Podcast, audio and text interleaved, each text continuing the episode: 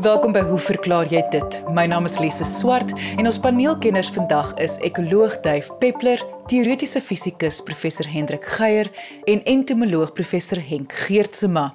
As jy 'n vraag het, stuur jou e-pos na lise@rsg.co.za. Die eerste vraag van die dag word gevra deur Leon Swanepoel en word beantwoord deur teoretiese fisikus professor Hendrik Geier. Leon skryf vir ons sy spookstorie. En onthou, die fotos wat na verwys word is beskikbaar op RSG se webwerf. Gaan net na rsg.co.za. Na jarelange bespiegelinge, vrae en besprekings onder bure, kan ons nie een uitsluitsel kry rondom die gebeure nie. Ek bly op 'n plaas in die distrik Kenawen. Sekere tye van die maand, nie elke aand nie, Tussen 10 en 5 soggens sien ons 'n lig wat reg in die pad afkom na die huis toe. Soms beweeg dit regs of links, dan verdwyn dit. Wat ons aanneem 'n voertuig is wat in aantog is, wat deur 'n dip gaan as dit verdwyn. Dan ewe skielik is die lig weer daar. 'n Mens lê op die bed dat jy wakker skrik van die lig wat in jou oë skyn en dan skielik verdwyn dit weer. My kleinseun en vriend het een aand gaan jakkals roep. Toe verskyn die lig en kom reg op hulle af in die veld. Die kinders was skoon verskrik en skielik verdwyn dit weer. Ek het so 3 maande gelede 'n toring opgesit by my een hek met 'n kamera dat ons kan sien wie beweeg deur die hek. Julle sal dit nie glo nie. Op 9 Januarie 2022, vanaf 8:45 in die aand tot 5:45 in die oggend, tel die kamera die lig op soos dit beweeg heel aan die ander kant van die huis. Liewe vriende, wat is dit? Is dit iemand wat nie tot ruste kan kom nie? Nou Lise het nou klaar voorgeles wat Leon geskryf het. Op die stadium dink ek moet ek miskien net kortliks vertel wat die fotos behels wat Leon gestuur het. Ehm um, wat 'n mens sien is 'n swart en wit fotos uh, van 'n plaashek van bo af geneem.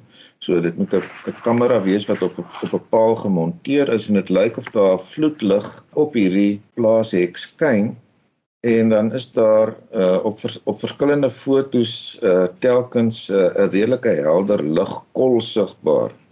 Nou dis jammer dat Leon nie 'n bietjie meer inligting gegee het oor die opset by die hek nie. Ek neem aan dit is inderdaad so dat daar 'n vloedlig is, maar hy sê nie waar die kamera relatief tot hierdie lig sit nie. Maar die paar fotos wat ons gekry het is binne enkele minute rondom 9 uur geneem. En op hierdie fotos is daar een waar die lig aan een kant van die hek verskyn en dan meestal aan die ander kant van die hek.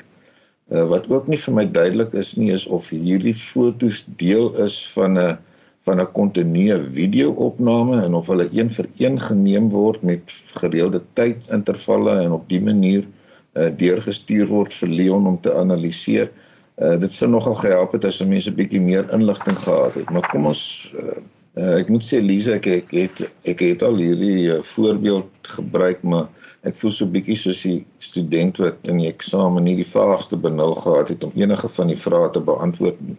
En toe maar gesê het wel ek ek kan nie hierdie vraag beantwoord nie maar ek kan wel hierdie vraag beantwoord en uh, stel uit die vraag en beantwoord hom sommer terstond en hoop dat wie ook al die nasiener is daarom so 'n bietjie genade sou betoon.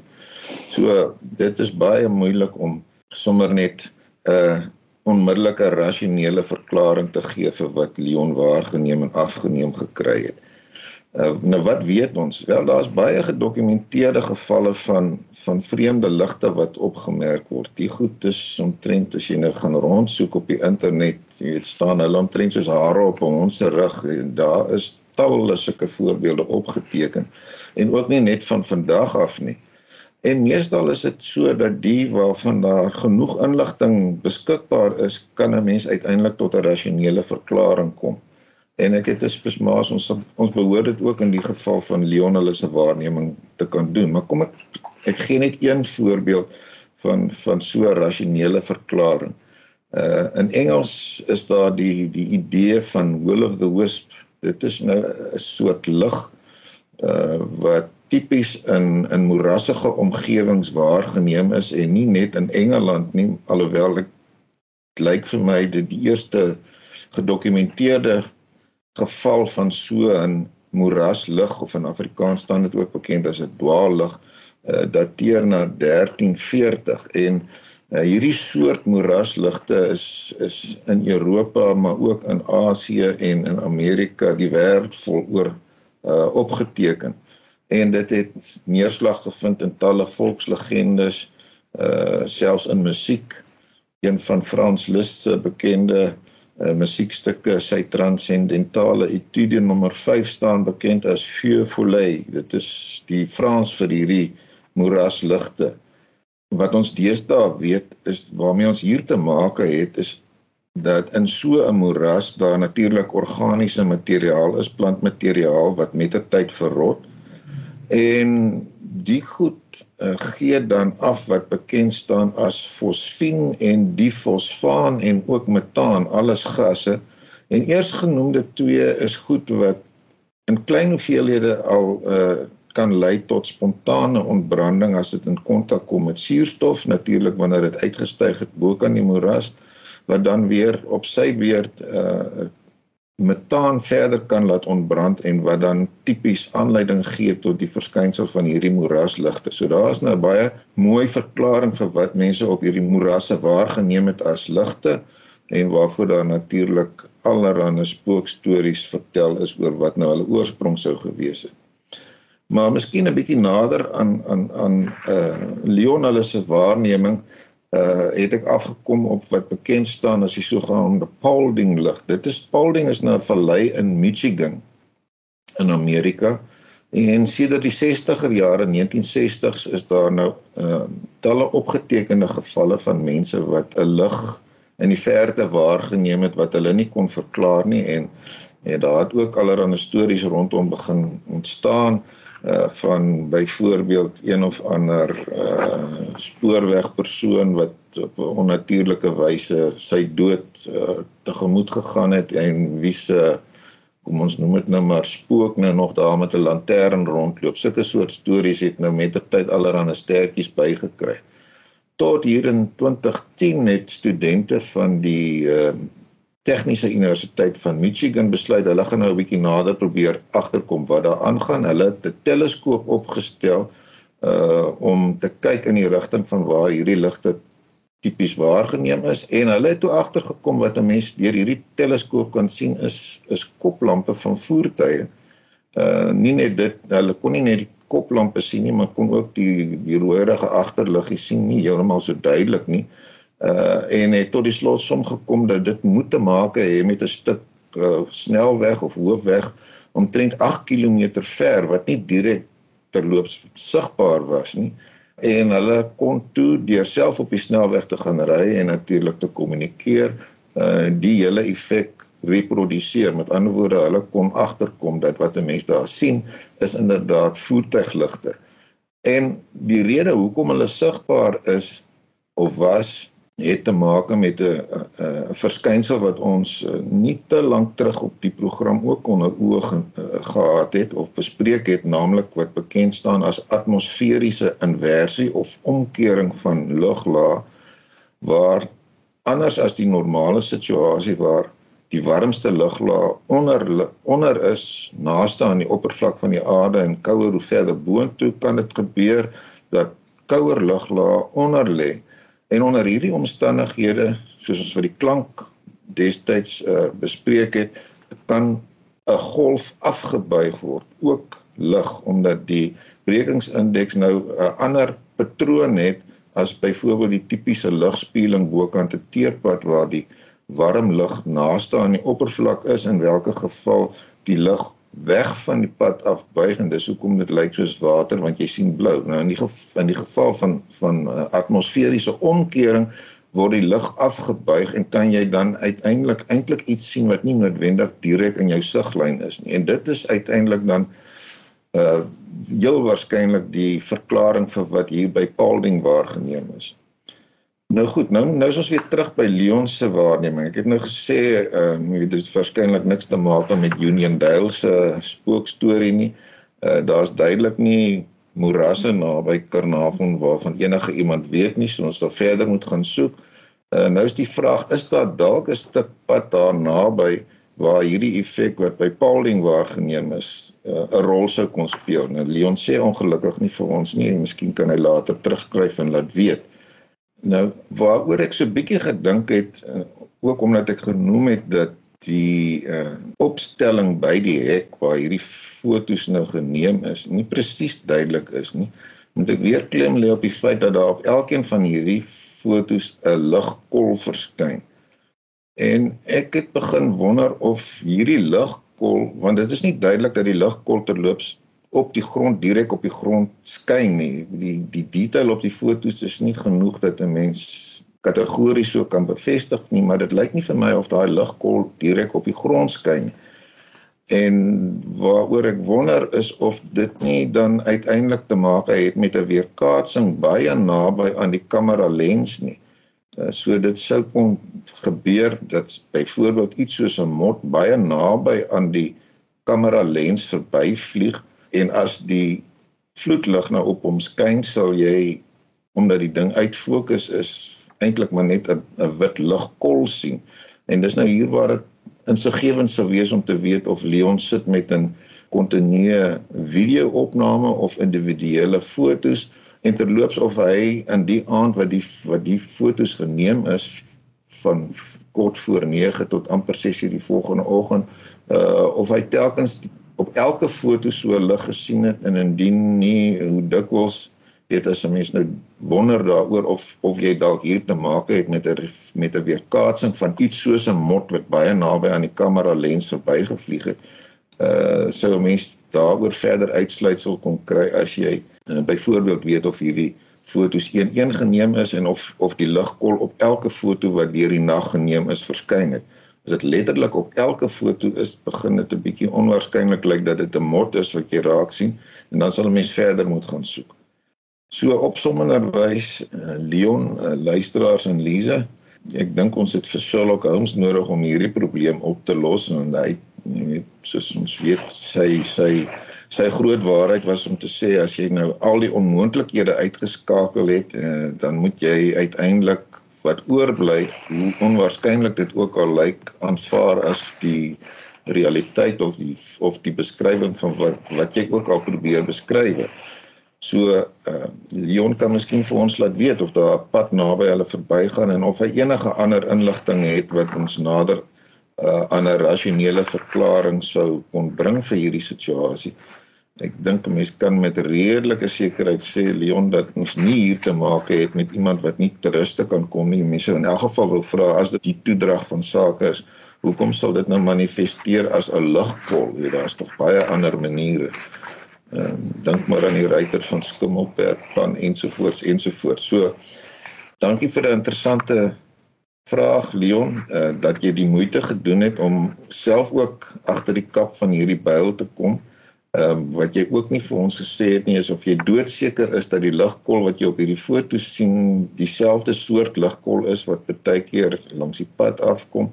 Ehm um, so daar's nog stukkies inligting wat ons daar kan help om hierdie lig legkaart na mekaar te sit, maar uh dankie vir die vir die vraag en vir die geleentheid om so 'n bietjie te gesels oor die abnormale verskynsels. En dit was teoretiese fisikus professor Hendrik Geier. Onthou, die fotos van hierdie vreemde lig is beskikbaar op RSG se webwerf. Gaan net na rsg.co.za. Ons volgende vraag kom van een visser van Betty Spy en word beantwoord deur ekoloog Dave Peppler. Ek het molle in my tuin. Hoe kan ek hulle verjaag of beheer? Eet die molle die plantwortels onder die grond? Hoe haal die molle asem onder die grond? En wat trek die molle aan na sekere areas? Genigtig, dis sommer 'n hele paar vrae om te beantwoord. Dave Peppler? Molle, alle molle is fossoriaal.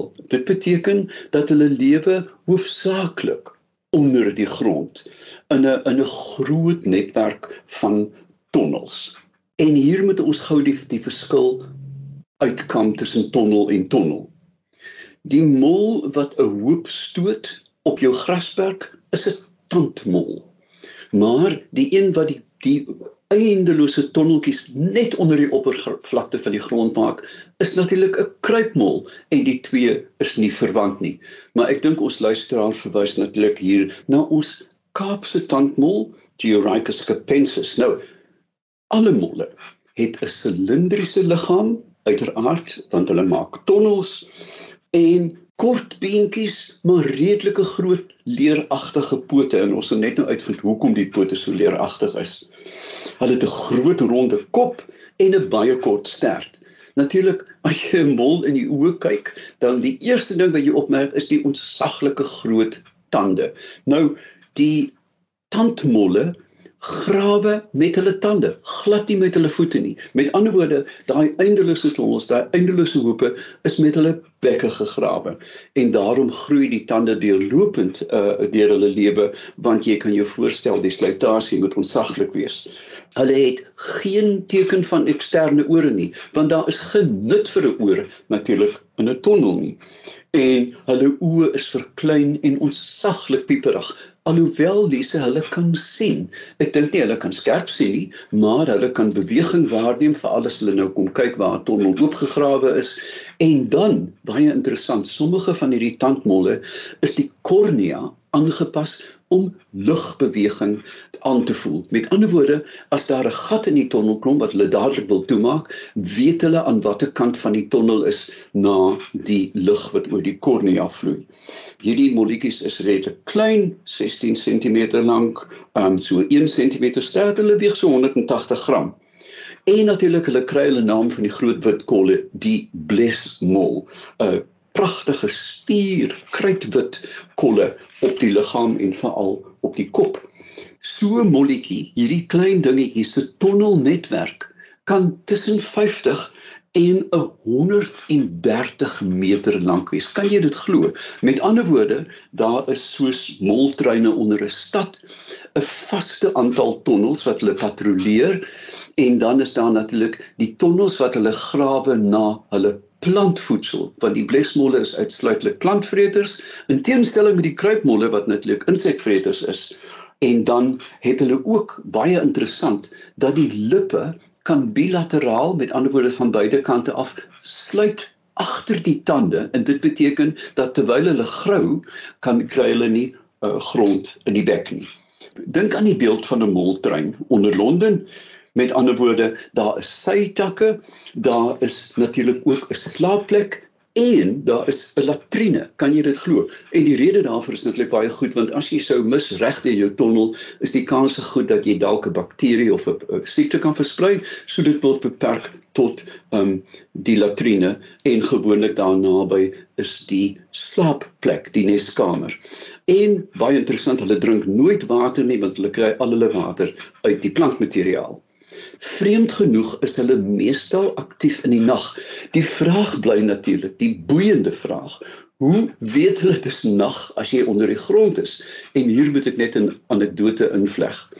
Ek um, ek is gereelde besoeker aan Londen in Engeland en dit verstom my altyd 50, 60, 80 meter onder die grond lewe daar huismuise, pikswart huismuise en jy kan jou horlosie instel as dit buite donker word.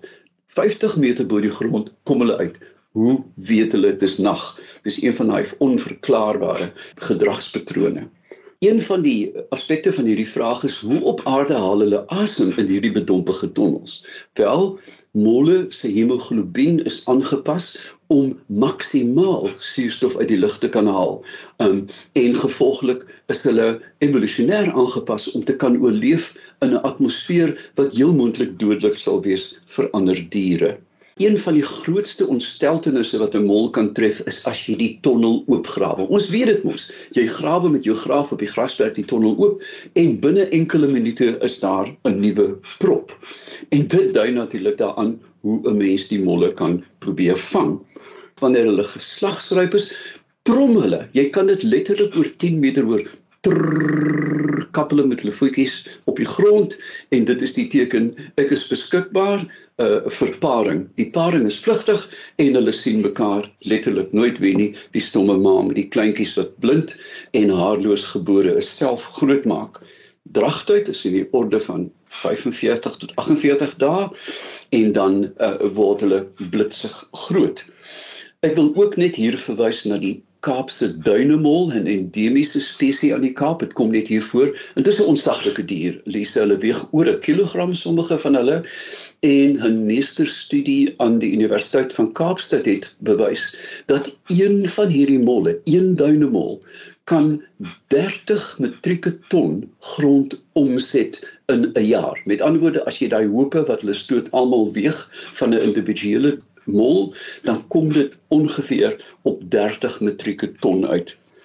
Hoe beheer 'n mens dit goed? Dit is 'n ewige vraag. Dit is baie moeilik om 'n die dier onder die grond te beheer. Daar's 'n hele klomp boererate waarvan sommige deeltyds werk. Honde mis mensehare. As jy 'n hond het, begrawe die kittel dan in die tonnel, um, maak 'n vars tonnel oop, druk die honde kittel daarin en dan verjaag dit die mol miskien na 'n ander plek toe maar dit sal hom nie sy tonnels laat staan nie. Um mens kan ook mensehare, jy kan na jou barbier toe gaan en vra vir 'n sakkie mensehare, ek glo my byna dood. Maar nou ja, een van die beste maniere wat ek gevind het en daarvoor moet jy tyd hê, is om 'n vars tonnel oop te grawe met 'n graaf. Met ander woorde, graafbreedte maak jy 'n gat en dan sien jy so 5 na 10 cm onder die grond horisontaal mond die gat uit. Jy vat dan 'n stokkie en bepaal die rigting van daai gat want dit is nie noodwendig loodreg op die gat wat jy gegrawe het nie. En dan as jy die rigting bepaal het, steek jy 'n graaf net so effens in die grond sê nou maar 50 na 50 eh, na 60 cm agter. Dan sit jy in wag. Ek het 'n klein spieeltjie, so ek sit by die graaf. Ek kan dan sien wanneer die mol kom loer en dan blitsig druk jy die graaf in die grond en jy het vir daai hardloop gewoonlik na die gat toe en dan wat jy doen is jy gooi dit oor die muur vir jou buurman. Ek kan dit nie oor my hart kry om hulle dood te maak met slagysters nie. Daar is verskriklike gibbe wat jy kan gebruik wat ek nie sal voorstel nie en my eintlike voorstel Lise is plant genoeg vir jou molle ook.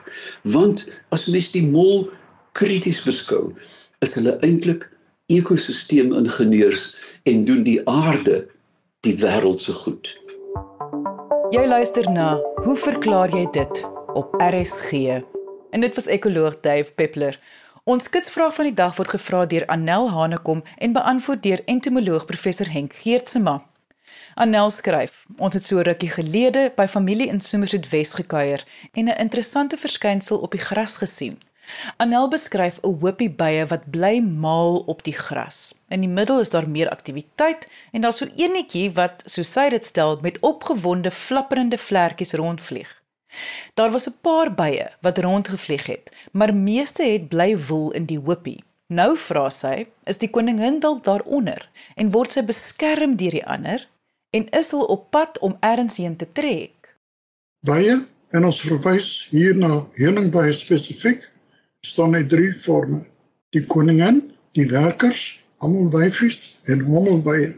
Hommelbye is mannetjies en behalwe verparing met 'n toekomstige koningin van geen nut in die bye kolonie nie.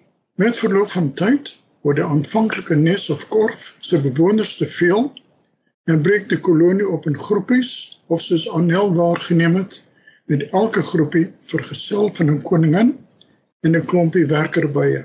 Die koningin moet egter paar voordat sy die groepie verder kan uitbou. Sy verlaat die nes, vlieg na 'n geskikte plek en vlieg hoog die lug in. Dit kan tientalle meters wees.